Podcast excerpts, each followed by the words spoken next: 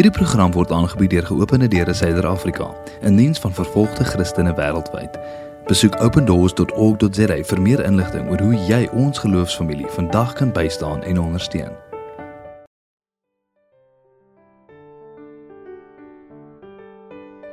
Jy luister na Werkende Wondervrou, 'n potsending vir werkende ma's.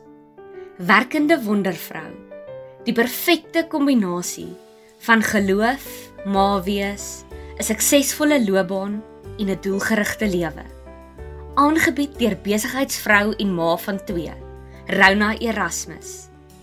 15 minute elke Vrydag om 1uur.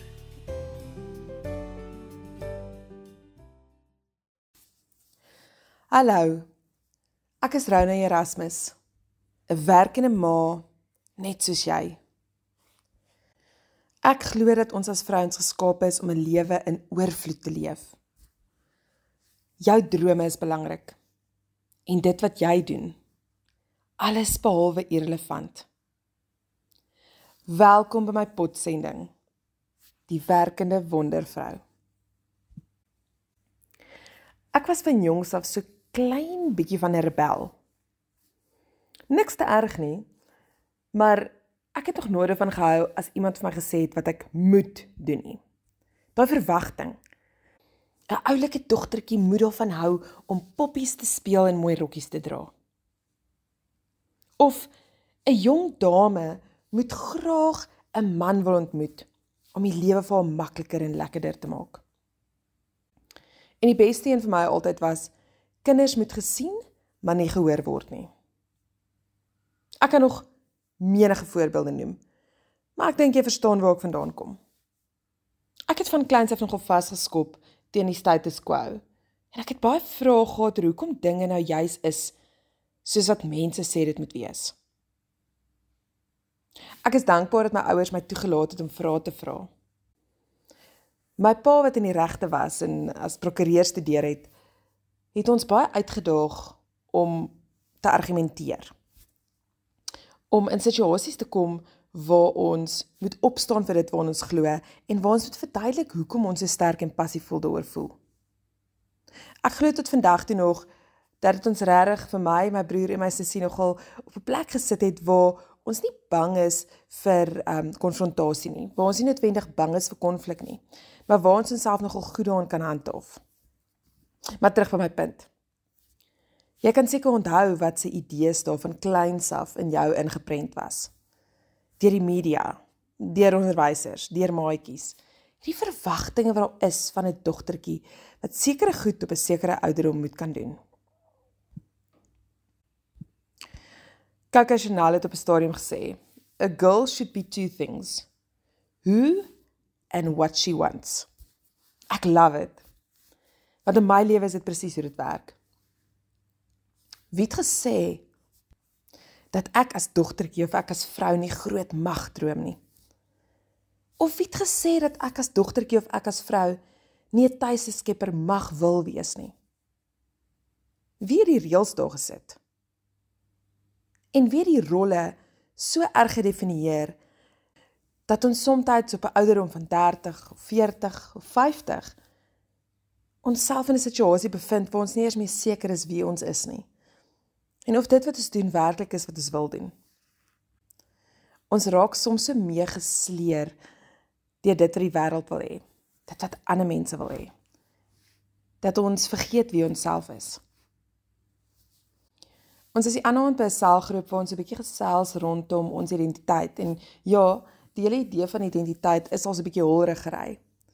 Ek dink ons praat so baie in soveel groepe en soveel kerke juis oor identiteit omdat ons soms so identiteitloos is, omdat daar soveel mense is wat werklik nie weet wie hulle is of dalk meer nog wie sin hulle is nie.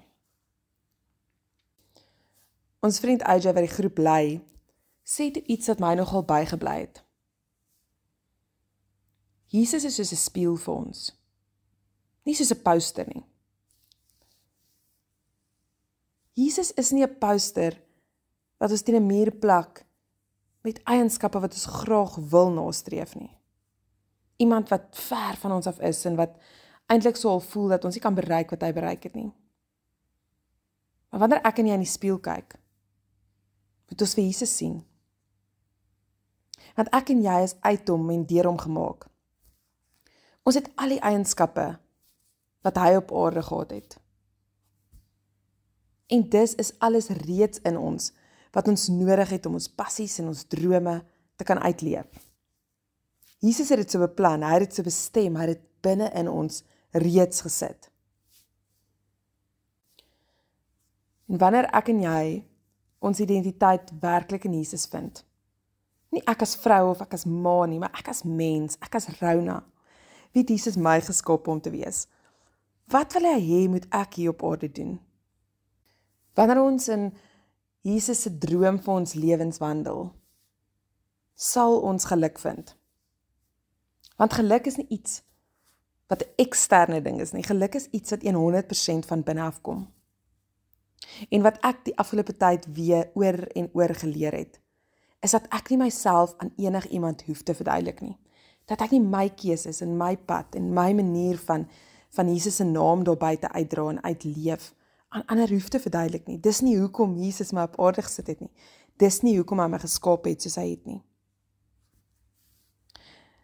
So ek en jy het nou vasgestel dat waarskynlik nie een van ons baie daarvan hou as mense van ons sê dat ons op sekere ouderdomme sekere goed moet doen nie. Maar ek wil vandag ietsie prets doen en ek wil vandag net na 'n paar goedjies gaan kyk wat ek en jy as vrou selfs as mamma, selfs as man moet kan doen. Wat die lewe vir ons en die mense rondom ons bietjie makliker gaan kan maak. So verskoon my dat ek dalk nou dieselfde stryk gaan trap. Maar ek is lus om vir jou 'n paar goedjies wat ek die laaste tyd nogal oor dink het net te noem. Ons gaan nie in detail oor praat vandag nie. Dinge wat ek voel sinvol is om op enige tyd te kan doen. As dit van hierdie baie praktiese voorhand liggende goed is wat jy nog nie kan doen nie, dan moet jy dalk dink of jy nie iewers 'n tydjie wil afknyp om dit te leer nie. En as jy almal op hierdie lys kan doen, wil ek vir jou sê wel gedaan. Onthou dat mens nooit te oud of te jonk is om nuwe dinge te leer, om nuwe goed te herontdek nie. Nou die eerste ding wat ek dink wel wat waarlik lewensbelangrik is, is dat ons moet weet hoe om noodhulp toe te pas. Ek dink dit is ongelooflik belangrik om te weet hoe om byvoorbeeld 'n snyskoon te maak of hoe om 'n brand te behandel. Ehm um, wat om te doen as iemand op 'n asemhaal. Net basiese goeders wat ons moet weet wat noodhulp betref. Die tweede een is 'n lekker een. Hoe om 'n eiergaar te maak net soos jy daarvan hou. Nie soos iemand anders daarvan hou nie, soos wat jy daarvan hou. Nommer 3. Hoe om 'n goeie bottel wyn te kan uitkies. En weer eens, die tipe wyn waarvan jy hou. Nommer 4. Hoe om 'n vriend of vriendin, selfs 'n lewensmaat te konfronteer sonder om hulle te verloor. Sonder om die heeltyd bang te wees dat iemand gaan omdraai en gaan wegloop. Hoe is 'n mooi manier om wanneer daar probleme is dit aan te spreek? Nommer 5. Hoe om 'n knoop te kan aanwerk. Nou as jy tot so ver in jou lewe gekom het sonder om nodig te gehad het om 'n knoop aan te werk, wil ek jou gelukwens maar ek moes al menige male my klein naaldwerkkussie uitgehaal het om dergelike knope aan te werk. So ek dink dis altyd 'n goeie vaardigheid om te hê. Nommer 7. Hoe om 'n begroting op te stel en daarbey te hou. Hierdie is vir my so 'n belangrike een en dit voel vir my dat ons baie keer in die skole die punt mis. Kinders behoort van jongs af al te weet wat 'n begroting is, hoe mense dit opstel en hoe mens daarbey kan bly. Ek moet bieg, die volgende een sukkel ek self nog mee. Maar hoe ruil mens 'n band? 'n Kar se band. Dit is onomwonde dat iewers gedurende jou lewe jy 'n papband gaan kry. Dan moet ek en jy as vrou weet hoe om te ruil. En dan daarmee saam, nommer 9. Hoe om 'n spyker in 'n muur in te kan kap, om 'n prentjie of 'n portret of 'n ding te moet hang sonder om jouself skade aan te doen. Nommer 10. Almal van ons moet weet hoe om 'n onvergeetlike event aan mekaar te sit. Het sy dit 'n get together met 'n klomp girls is of 'n verjaarsdagpartytjie of selfs om 'n troue te reël. En baie gesê, wat is lekkerder as dit om 'n geleentheid te staan en te weet dat alles wat daar afspeel deur jou gereël is. Nommer 11 om te weet wanneer om jammer te sê en om te weet wanneer om nie jammer te sê nie. Nommer 12. Hoe om geld te spaar en hoe om geld te investeer op die regte plekke. Nommer 13. Hoe om van 'n werk te bedank sonder om jou brood te brand. Hierdie is nie altyd 'n maklike een nie, maar dit is in meeste gevalle moontlik. Nommer 14. Hoe om klere van uitsonderlike kwaliteit te kan sien en te kan uitken. Om te weet wanneer dit die real deal is en om ook te weet wanneer dit 'n goedkoop namaaksel is.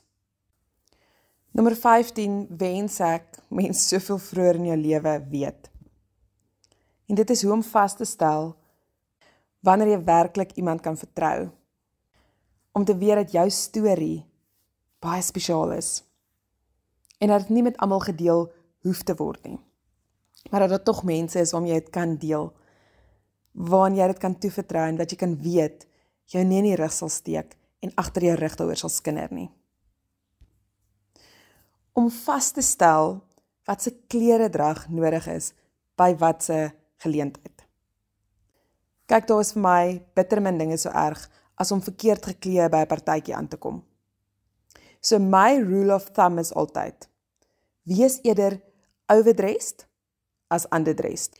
En as jy onseker is wat se klere drag 'n sekere funksie verlang, vra, vra wat jy met aantrek. Vra dat hulle vir jou 'n voorbeeld sal stuur van die uitrustings wat hulle soek vir daai geleentheid. Maak altyd seker dat jou paspoort geldig is. Jy weet nie wat se geleentheid homself voordoen nie. En niemand van ons wil 'n geleentheid van die hand moet wys omdat jou paspoort verval het nie. So gaan kyk bietjie hoe lank tyd daar nog oor is en maak sommer nou 'n afspraak as 'n paspoort van jou amper al verval. Nommer 19. Die vermoë om nee te kan sê op 'n baie gawe manier sonder om te voel dat jy jouself aan die persoon hoef te verduidelik. Nommer 20. Hoe om 'n propperse push-up soos 'n vrou te kan doen. Nommer 21. Die vermoë om voor mense te kan praat sonder om noodwendig kaartjies nodig te hê. Soos byvoorbeeld wanneer jy 'n heldruk op iemand instel, om dit te kan doen sonder om voorberei te wees en om te weet wat om te sê en om dit met selfvertroue te kan doen. En dan die laaste een vir vandag, nommer 22. Die vermoë om te kan herken wanneer jy verkeerd was en dan wat om te doen om dit so ver moontlik reg te stel. Dis 'n bevrydende plek om te wees wanneer jy besef dat jy nooit te oud is om te leer nie. Dat die lewe as leerskool ons hopelik tot die dag wat ons ons laaste asem uitblaas nog 'n paar dinge sal leer. Maar dat ons oop sal wees daarvoor. Want die dag as ons dink ons het gearriveer, ons het niks meer om te leer nie, sal vir my persoonlik 'n baie hartseer dag wees. Die feit dat ek môreoggend kan opstaan en weet dat ek waarskynlik nog nuwe dinge gaan leer. Dat my kinders my nog nuwe goed gaan leer. Dat ek nog nuwe goed by die mense gaan leer met wie ek myself omring. Dit maak my so opgewonde. My hoop vir jou vir die week is dat jy oop sal wees vir geleenthede wat alself voordoen, vir tye om te leer en tye om te ontdek en dat jy opgewonde sal raak oor al die dinge wat jy nog in jou lewe en dalk in hierdie week gaan ontdek en gaan leer.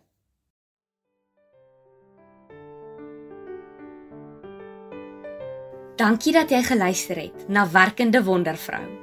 'n Potsending vir werkende ma's. Jy kan volgende week weer saam luister na Rona Erasmus. Vrydag om 1uur. Om e-poskennisgewings van die werkende wondervrou potsending te ontvang, klik op voelgoed.co.za.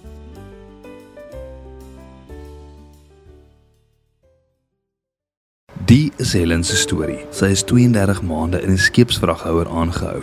Sy is gemartel, gevra om haar geloof te versaak, maar sy kon nie. Ons broers en susters is steeds opgesluit. Terwyl ons sing, word hulle stil gemaak. Ons is vry, hulle is geboei. Ons kan meer doen. Ons kan bid, ons kan ondersteun. Jou geskenk aan geopende deure vandag kan vervolgde Christene in die gevaarlikste lande bystaan. SMS geloof na 43699 om vandag te skenk of besoek opendoors.org.za.